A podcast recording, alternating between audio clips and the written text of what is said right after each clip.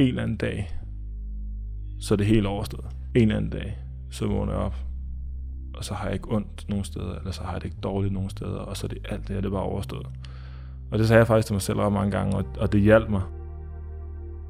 Det her, det skulle bare ikke vinde over mig. Altså det her kraften skulle ikke vinde over mig. Altså jeg skulle komme igennem det her, og så det betød, at jeg skulle igennem øh, flere operationer have mere kemo, så var det sådan, det var. Fordi der var jo ikke, i bund og grund, så er der jo ikke noget alternativ for det her. Altså alternativet er, at du ikke får en behandling, og og så ved vi altså, så dør man jo af kræft. Så selvom det var en voldsom, voldsom rutsjebane med op, men allermest nedture, så blev jeg bare ved med at sige til mig selv, at en eller anden dag, så vågner du op, og så har du det godt igen.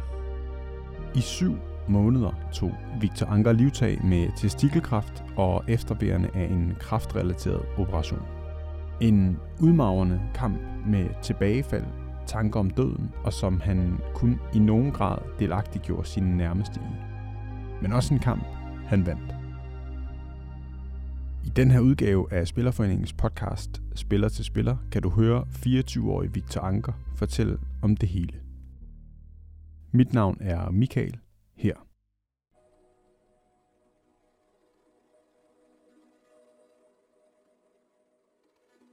Hvad handler det her interview om for dig? Ja, det handler måske for mig om, at, ja, så andre kan få et indblik i, hvad der jeg har været igennem, og ja, hvad det vil sige, når man, når man går fra at have en, en hverdag fuld med sport og, og arbejde, og hvad skal man sige, at være sund og rask til, at verden kan vende fuldstændig på hovedet. Øh, ja, hvor hverdagen og livet bliver, bliver vendt op og ned fuldstændig. Så. Er du nervøs for den her samtale? Ja, jeg er meget nervøs. Jeg er meget nervøs. Øh, det har været, det har været et hårdt forløb, øh, både for mig og, og min nærmeste. Øh, og så er det jo, jeg kan jo ikke komme udenom, at det har gjort nogle ting ved mig, både fysisk, men, men allermest mentalt også.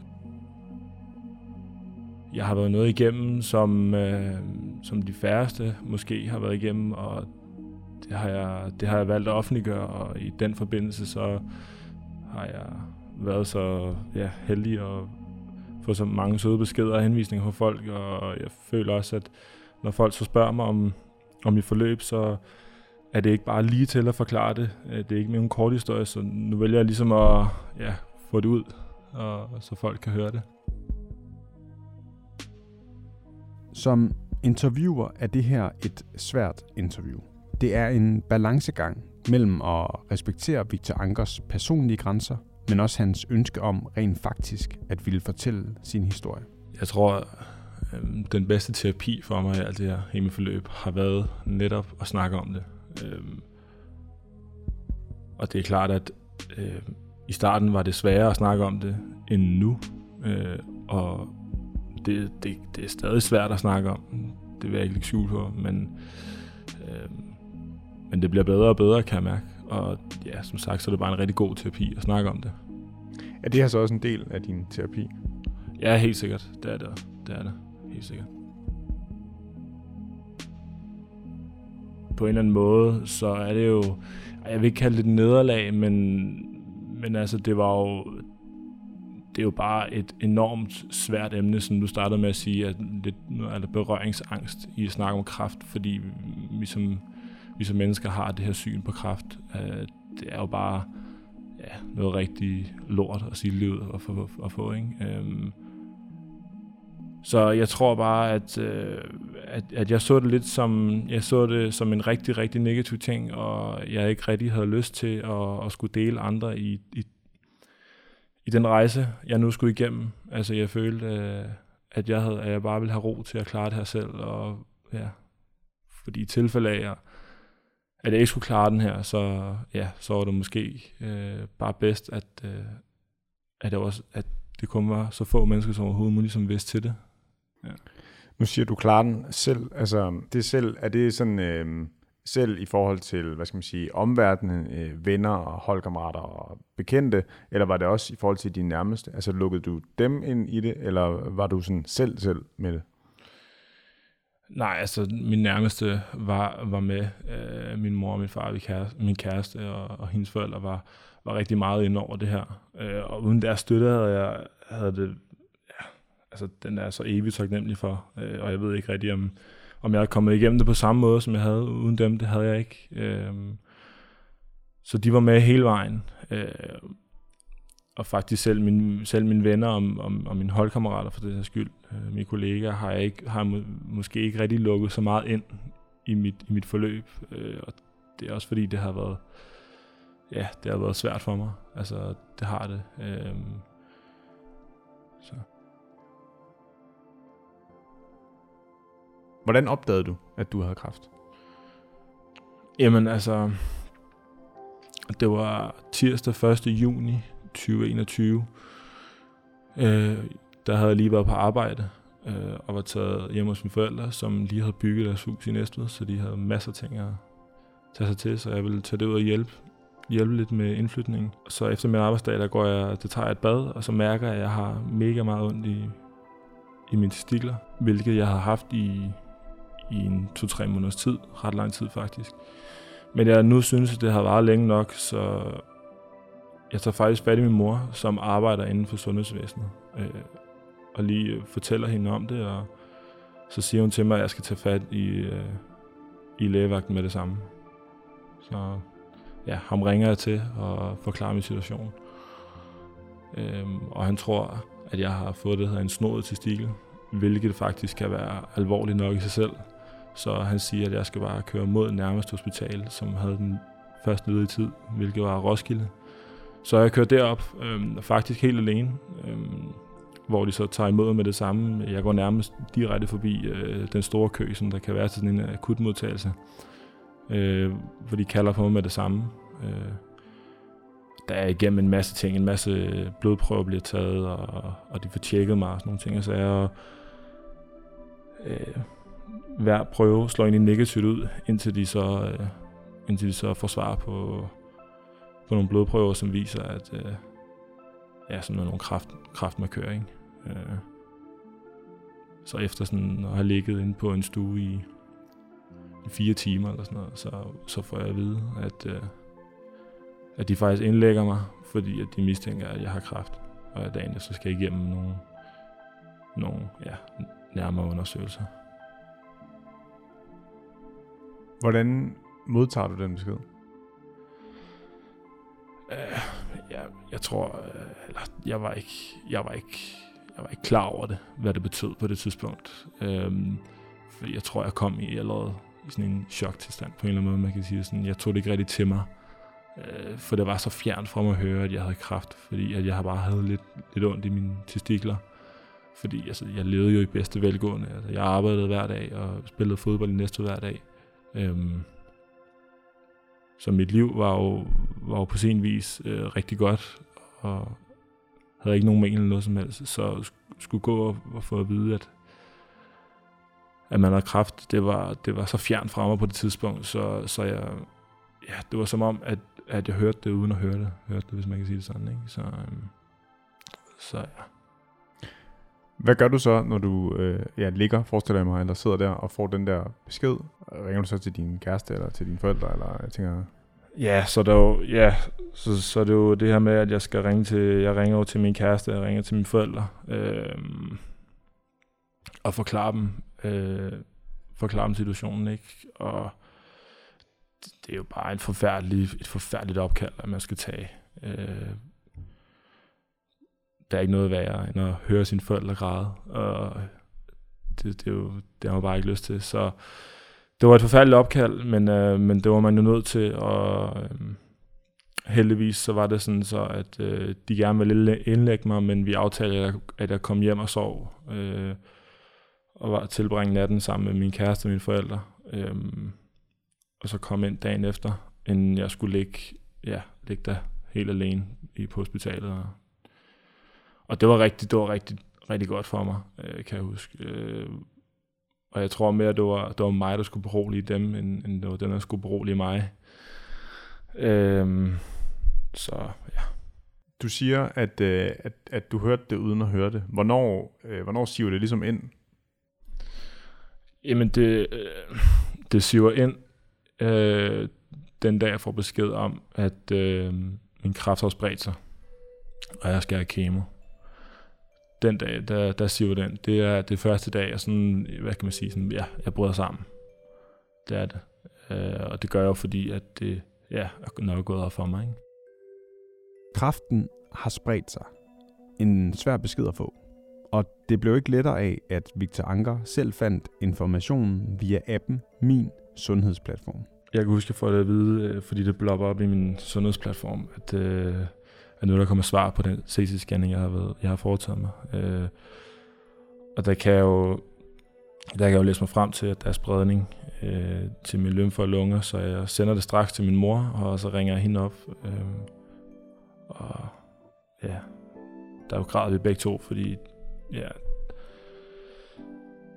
det, man er så, så uvidst om, hvad det betyder, at man har spredning til sine lymfer og sine lunger. Det lyder så, det lyder så alvorligt på en eller anden måde, øh, og det lyder så alvorligt at have, at have kraft der, øh, metastaser der. Så, så jeg troede faktisk i det øjeblik, at, øh, at, at det var rigtig slemt, og at, hvilket det selvfølgelig også er, men at, at det betød øh, noget helt alvorligt. Øh, ja, netop fordi, at man jo har, hvad skal man sige, det her indtryk af, hvad, hvad kræft nu engang er. Ikke? At det er jo en dødelig sygdom, det er noget, vi, vi desværre øh, dør af, øh, nogle af os. Så. Der går fem dage fra han selv opdager, at kræften har spredt sig, til han bliver indkaldt til en samtale på ride. En meget tiltrængt samtale. Det var jo bare godt. Det var både godt for mig, og det var godt for min familie, og bare få nogle svar. Ikke? Og, og det var jo klart, at der var nogen, der var bedre end andre, men, men der var også bare der var nogle svar, som måske var, som vi havde forventet var værre. Ikke? Øh, så, så det var bare godt at få nogle svar. Mm. Og hvad, hvad sker der så derfra? Jamen, så gik der jo øh, så gik der sådan en, en små to uger før, så skulle have min, øh, have min kemo, opstart på kemo, ikke? Øh, og i de to uger, der, ja, der ligger jeg mig bare og, og, og tænker enormt meget. Jeg kan huske, det, det, der, det jeg tænkte allermest på, det var, hvordan jeg ville have det under min kemobehandling, fordi man havde hørt, man hører så mange historier om, hvordan, hvor, hvor dårligt man får det under kemo. Ikke? Så jeg var rigtig nervøs for, at jeg bare skulle ligge og have det rigtig dårligt, og man bare skulle ligge og, og kaste op hver dag, og ja, men nærmest øh, ikke skulle være noget værd. Ikke? Så jeg var jo bare, jeg var enormt, øh, det var et enormt tankemøller hele tiden øh, op til kemo, det var det. Mm. Hvad gjorde du for at tøjle de der tanker? Øhm, jamen, jeg benytter mig blandt andet af, øhm, af jeres tilbud. Jeg blev ringet op af, af Kristen og Thomas her fra Spillerforeningen, øhm, som jeg også har en snak med. Øhm, og jeg benytter mig, øh, mig af de muligheder, jeg havde med af en psykolog inden for Encounter. Så dem har jeg været hos et par gange. Og jeg kan huske, første gang jeg var hos den, det var, ja, det var vel lige inden jeg skulle starte kemo. Og det var også bare, det var meget rart. Altså det satte, det sat ligesom tingene måske lidt mere i perspektiv, eller man ligesom bare fik snakket lidt ud om det, ikke? Og, og det var meget rart. Altså det beroligede mig på en eller anden måde lidt. Og ellers så, ja, så tror jeg ikke rigtigt, at der var... Jeg tror lige meget, hvor meget jeg, jeg prøvede også at berolige mig selv på, øh, eller min nærmeste på, så, så var der ikke, altså, så var det bare tankemøller hele tiden, og det var en hård tid, øh, fordi altså, tanken om det uvisse, den er, den er rigtig hård.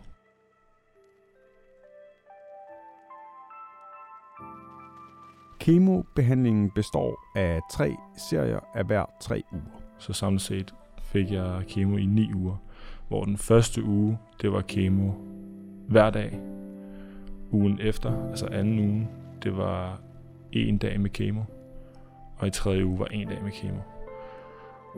Så man kan sige, en typisk dag var, at jeg øh, tog ind om morgenen, typisk ved 9-tiden, skulle jeg møde ind på Rigshospitalet, og så, skulle, så fik jeg lagt et, et drop i min arm, og så fik jeg en times kemo, og så fik jeg efterfølgende en times salvand, og så fik jeg efterfølgende en times kemo igen. Og til sidst så kom jeg på en rygsæk, som, øh, ja, som er hvad ordet siger, en rygsæk med, med saltvand i, som bliver sprøjtet ind i, i, i det drop, jeg har lagt i 5 timer med saltvand for at skylle nyrerne igennem øh, med alt det her kemo. Ikke? Øh, det var en typisk, øh, det var en typisk dag. Så samlet set, så var jeg jo på hospitalet i de her, ja, hvad tog det, 8 timer ikke? til i starten. Og så, ja, i anden uge, så kunne du så komme hjem med den her rygsæk øh, hvor du så var hjemme, men var bundet til den rygsæk i fem timer. Så det var, i starten var det nogle rigtig lange dage på hospitalet, hvor at, ja, vi mødte jo ind kl. 9 og var hjemme igen først med syvtiden eller sådan noget. Ikke? Øh, det var nogle rigtig lange dage. Øh, ja.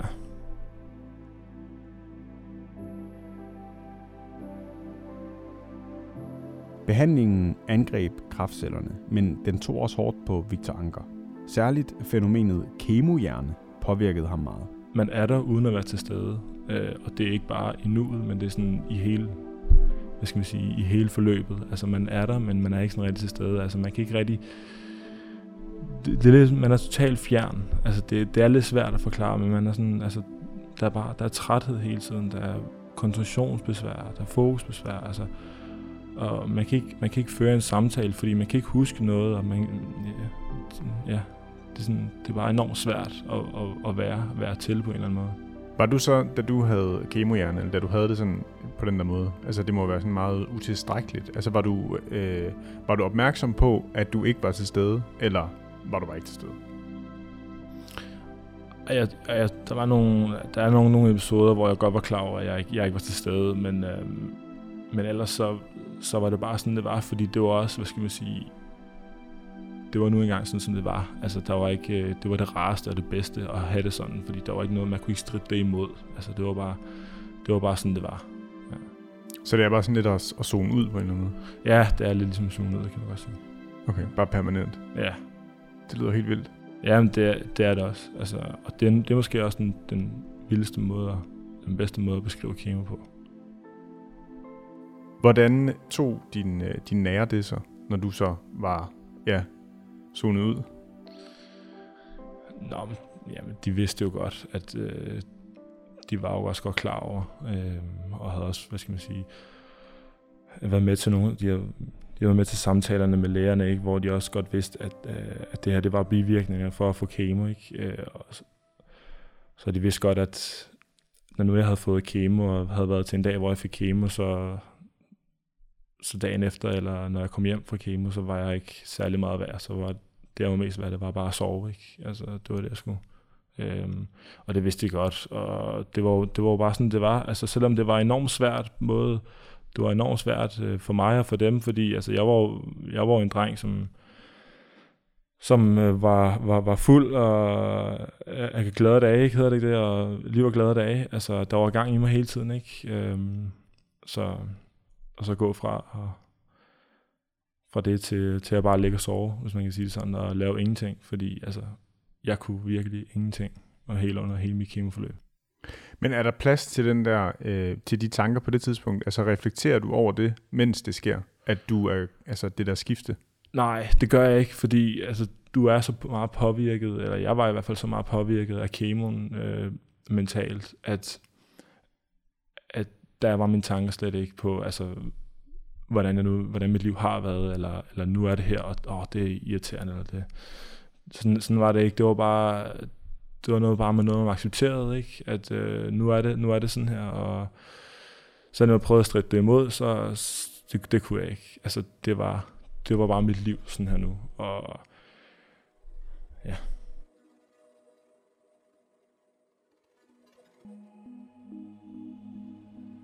Kemobehandlingen udslettede de fleste kraftceller, men ikke alle.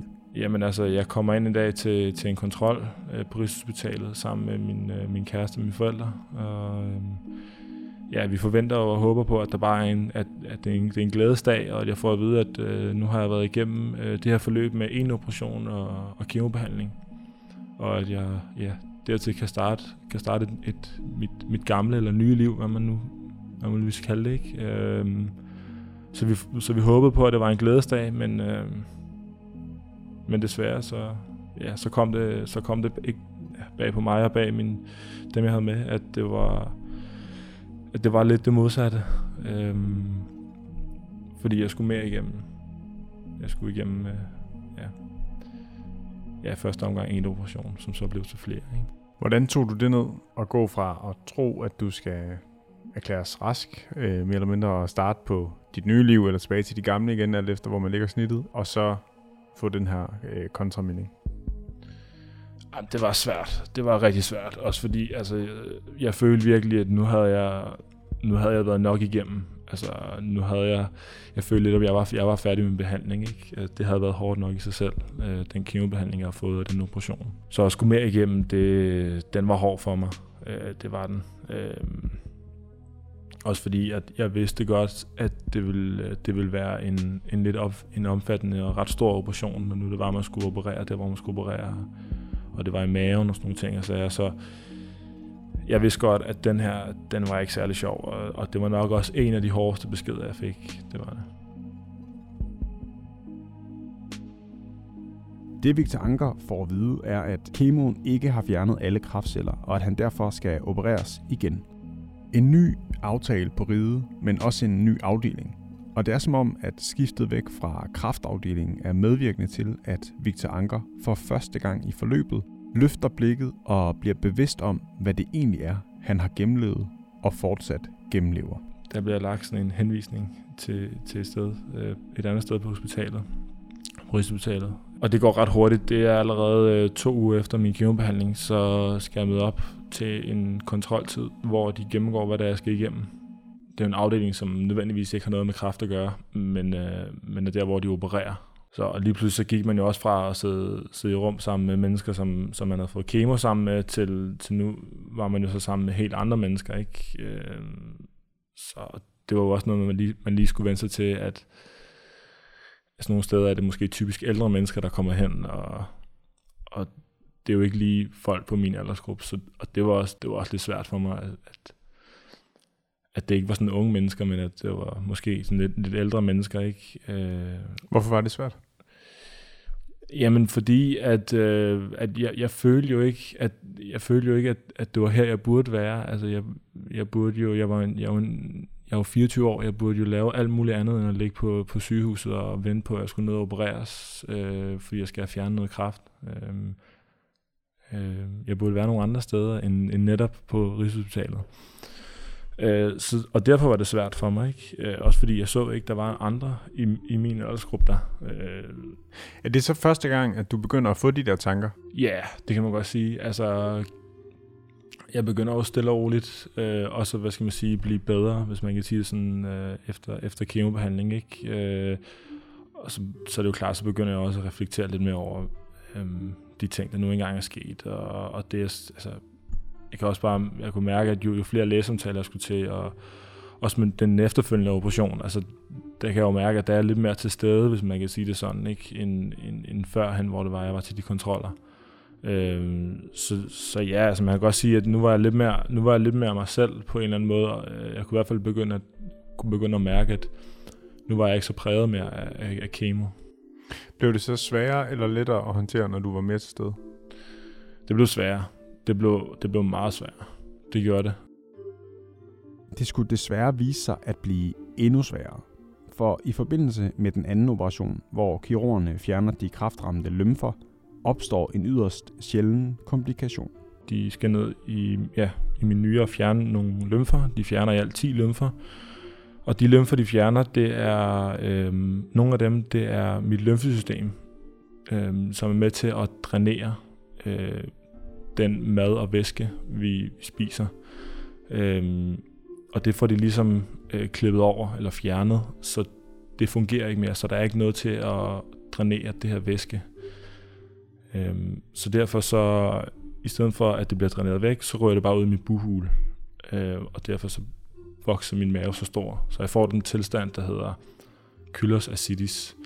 Øhm, og hvordan håndterer man det? Det gør man ved, at øh, man åbner, man skærer et lille stykke op i min mave, og så lægger man en drænpose, og så bliver der simpelthen dræneret væske ud. Øh, og hvordan at, øh, og hvad jeg kan gøre, det er, at øh, jeg kan jeg kan vente på, at det bare lukker. Det var ligesom det første skridt, at man bare kan vente på, at det lukker sig selv. Og hvis det ligesom, hvis det ligesom ikke er nogen resultater efter øh, de første par uger, som der ikke var, så går man over og siger, så må du kun spise 10 gram fedt om dagen. Øhm, hvilket jo er enormt lidt fedt. Øhm, så ens en, min kost blev lagt fuldstændig om, og skulle, så skulle jeg til at leve en kost, hvor jeg kun fik 10 gram fedt om dagen, fordi så vil det flow, der er i det lymfesystem, vil så blive mindre, og derfor så kunne det være, at, at det så lukkede, havde nemmere ved at lukke den vej igennem. Det prøvede vi så i, ja, i to-tre uger, og det virkede så ikke. Det dræn, han får lagt, virker ikke efter hensigten. Victor Anker har derfor store smerter og har det rigtig dårligt og bliver indkaldt til en række nye CT-scanninger. Der, der, kommer der, der kommer der to kirurger ind på min, på min stue, jeg ligger, og så siger det til mig, at om fem minutter, så bliver jeg kørt ned på operationsgangen. Fordi de forventer, at øh, jeg har øh, hul i min tarm, og jeg har hul i min mave, og det er rigtig alvorligt, det de skal til at gøre. Så jeg får at vide, at de vil åbne mig fra, fra min hals øh, og hele vejen ned til sådan starten af ja, skridtet, hvis man kan sige det sådan. Og så vil de ellers bare gå i krig øh, derinde. Øh, og her får jeg at vide, øh, når vi taler om sådan risiko og risici for, hvad der kan være ved sådan en operation, så starter de jo sådan med de, med de, hvad skal man sige, de mest almindelige risikoer, og måske ikke så alvorlige risikoer, sådan noget som med, med blødninger og sådan nogle ting og sager. Øh, og så kunne jeg godt høre, at det ret hurtigt bliver sådan værre og værre. Og til sidst så snakker vi jo også om, om sådan noget som øh, stomi, og, og til sidst så, så bliver der også snakket om, at det er jo en ret omfattende situation, så altså, der er også en chance for, at jeg ikke vågner. Og det var bare sådan ret hårdt at få at vide, at ja, at ja, det kunne være, at jeg ikke, det kunne være, at jeg ikke klarede det her. Altså det kunne være, at alt det, jeg havde kæmpet for, det var bare bare spild, fordi jeg skulle ned til en operation igen. Og det har du fem minutter til at bearbejde? Ja, det har jeg. Det har jeg fem minutter til at bearbejde, fordi at de antager, de antager, at den er rigtig slem, og det skal bare foregå nu, alt det her. Så jeg, jeg kigger på, min, på mine forældre, og jeg kigger på min kæreste, som jeg prøvede fuldstændig sammen, hvilket jeg også gør. Øh, ja, og ja, jeg, ja, jeg ved ikke, det var jo totalt umenneskeligt, altså at stå i sådan en situation. Og selvom det var, at risikoen var ekstremt lille, altså vi er helt nede på 1% eller sådan noget, under 1%, så, så, det er jo, så det er jo det, man som patient, det er jo det, man tænker på. Altså, tænker jo ikke på, at man får en blødning, som de bare lige kan stoppe, eller tilføre noget blød, og så er det okay. Du tænker på, at når jeg vågner op, så har jeg stomi, men hvad hvis jeg ikke vågner op? Altså, der er jo en chance for det her, ikke? Så, så det var nok det var nok noget af det hårdeste. Øhm, men det, der så sker, det er, at de to kirurger, de går så ud igen, og så kommer den sidste kirurg ind. Så kommer der en anden kirurg ind, som er chefkirurgen, eller en ansvarlig kirurg. Og så siger han, vi er ikke sikre på, at det er sådan her, det er alligevel. Så nu gør vi bare sådan, at nu åbner vi dig lidt op, og så kigger vi ind, og så går vi dine organer igennem, og så ser vi, hvordan du har det indvendigt. Og det var bare sådan, og hvis, hvis det er sådan, som det er de andre de andre geover først antog, så er vi jo nødt til at lave det her angreb, vi snakker om. Men ellers, så kigger vi bare ind, og så kan vi tage den derfra. Så altså, jeg gik fra at være fuldstændig nede i kuldkælderen til, at hvad er det, altså, lidt hvad er det, manden kommer her og siger til mig nu? Altså, har vi ændret planen fuldstændig? Altså, hvad er det, jeg skal nu, ikke? Lidt, lidt i samme bås med, at du er rask, eller det her, det lukker sig inden for 10 år. Altså, hvad er det, jeg skal forholde mig til? Og det, her, det er det, der har været så svært med mit forløb. Det er altså, hvad skal jeg forholde mig til? Jeg kan ikke rigtig forholde mig til, at jeg inden for 10 år bliver rask, eller at jeg skal ned til en operation, hvor der er nogen, der først kommer og siger til mig, at der er en chance for, at du ikke klarer den, til at om vi, vi går nok bare lige ind og kigger på dine organer, og så de, kører dine organer igennem og ser, om de har det okay. Hvilket de så formodede og så bare lige få fjernet den væske, der er der. Og så kommer du over på det, der hedder parenteral næring, ikke? Victor Anker slap med skrækken. Han vågnede, og han slap for stomi og den helt store operation. Så det første, jeg gør, da jeg også vågner op og ligger på opvågning, det er jo selvfølgelig også lige at tjekke, løfter op min bluse. Se, har de skåret fra den ene ende til den anden ende? Eller er der bare øh, to små plastre, hvis man kan sige sådan, ikke? Og det var bare det milde indgreb. Men det betød ikke, at Victor Ankers pinsler var over. For hans lymfesystem virkede fortsat ikke, og derfor fik han parenteral ernæring, der bedst kan beskrives som en slags sonde. Det næste at gøre, det så var så at ja, lægge kateter øh, i en stor hovedpulsår, vi har inde ved brystet, hvor jeg så fik øh, min ernæring den vej igennem, så man lukkede min mund fuldstændig med, med mad, ikke? Så, og så fik jeg så mad igennem det. Man, man kan sammenligne lidt med, at jeg fik ja, sonde mad. Det er så bare parenteral næring, det jeg fik. Det var jo ret voldsomt, også fordi, at, som jeg fik nævnt, altså, jeg havde en tilstand, som var så sjælden. Altså, vi er nede på en om året i Danmark, der får den her tilstand.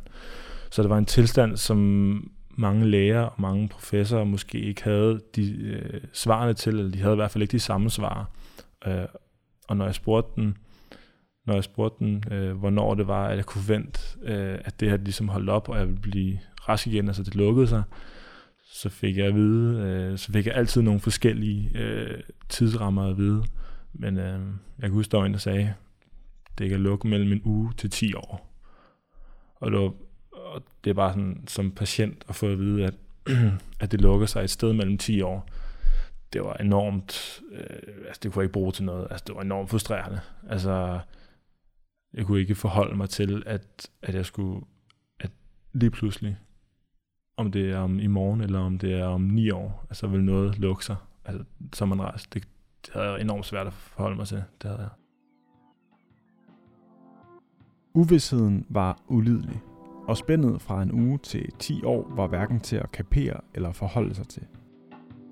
Et limbo, der fyldte i hans tanker – Endda så meget, at han ikke kunne tage ind, at han faktisk blev erklæret kraftfri, mens han var i det. Ja, nu bliver det indviklet, men efter min anden operation, der kom jeg så over til en kontroltid igen over på onkologisk afdeling.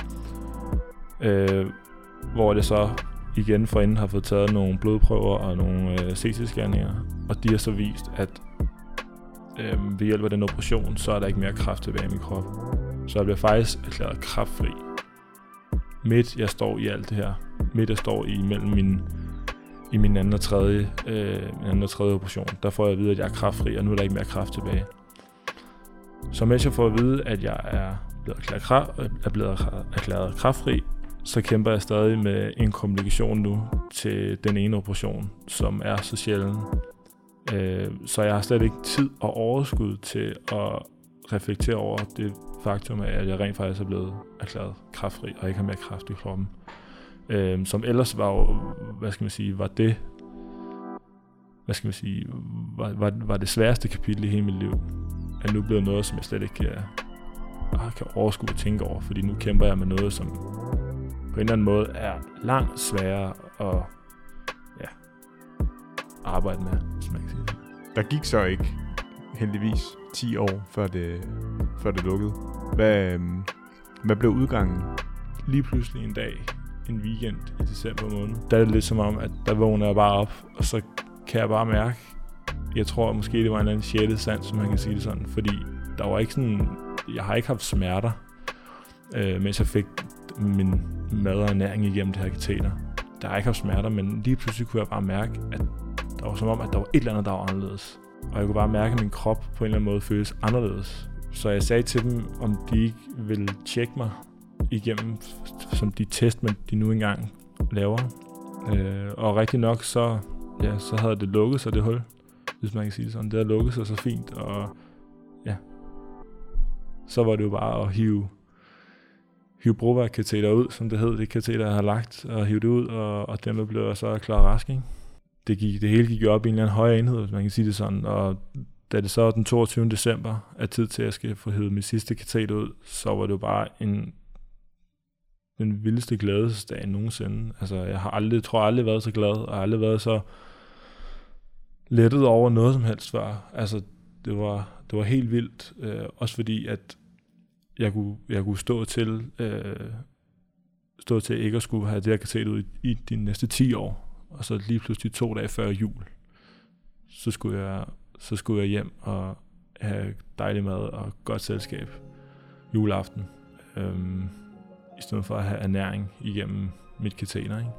Så jeg var, altså, det, det er så svært at beskrive, og det, det er så svært at sætte ord på, hvor, hvor glad og hvilken følelse det giver i en krop, fordi det er, sådan, det er den største lettelse nogensinde. Altså, det er det virkelig. Altså, jeg tror, jeg sang bare skulderen fuldstændig og åndede fuldstændig ud. Altså, var bare helt, helt vildt glad.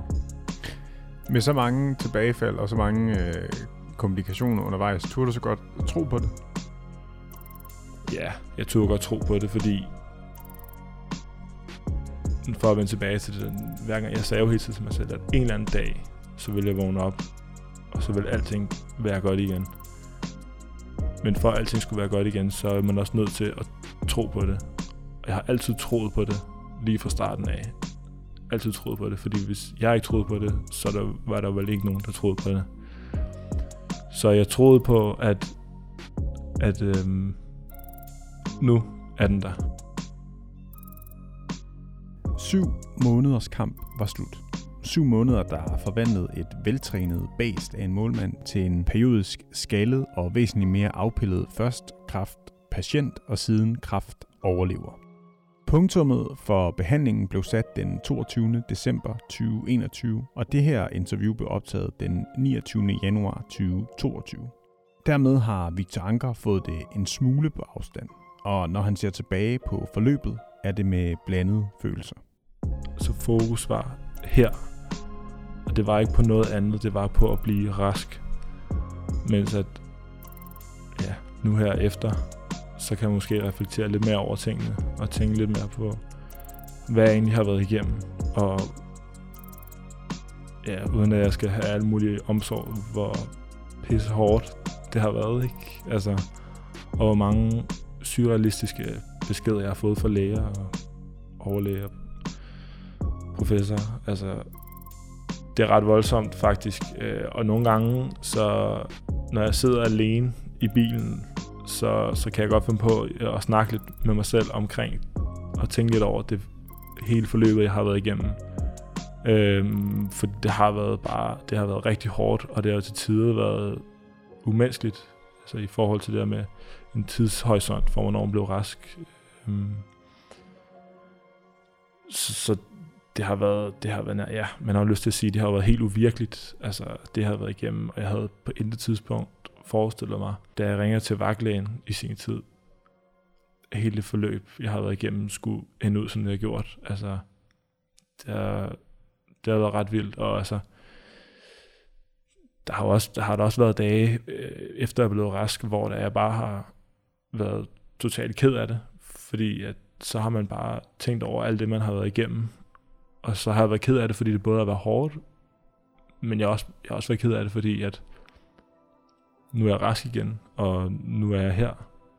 Nu, nu, er jeg, nu er jeg den der dag, hvor det var, at jeg vågnede op, og jeg ikke har ondt mere, og jeg ikke har det dårligt mere. Og jeg ikke ligger og kaster op, fordi jeg har fået kemo dagen inden, eller har ondt i min mave, fordi jeg blev opereret for tredje gang. Nu er jeg jo her, så ja,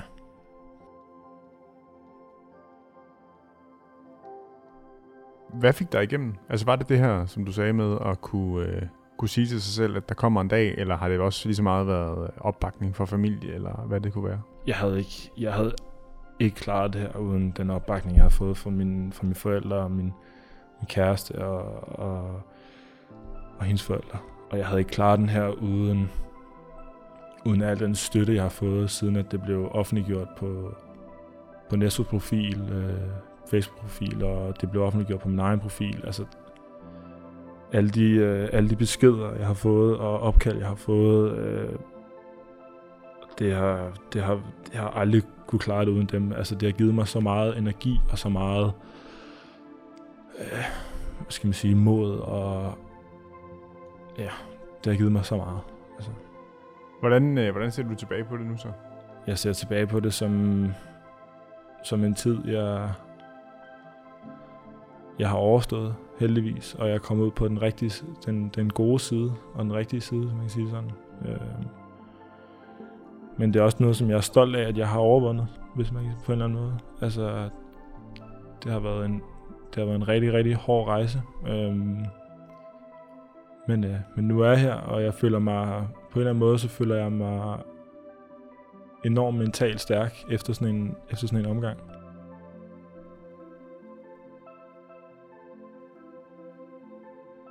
Jeg har jo savnet øh, fodbolden, og jeg har savnet fællesskabet, som man har i sådan en fodboldklub. Det har jeg savnet. Og nu er jeg tilbage. Nu har jeg nu kørt på min fjerde træning. Øh, har jeg overstået i torsdags. Godt nok ikke, øh, ikke på fuldtid, men jeg kunne, jeg kunne da være med i et eller andet omfang.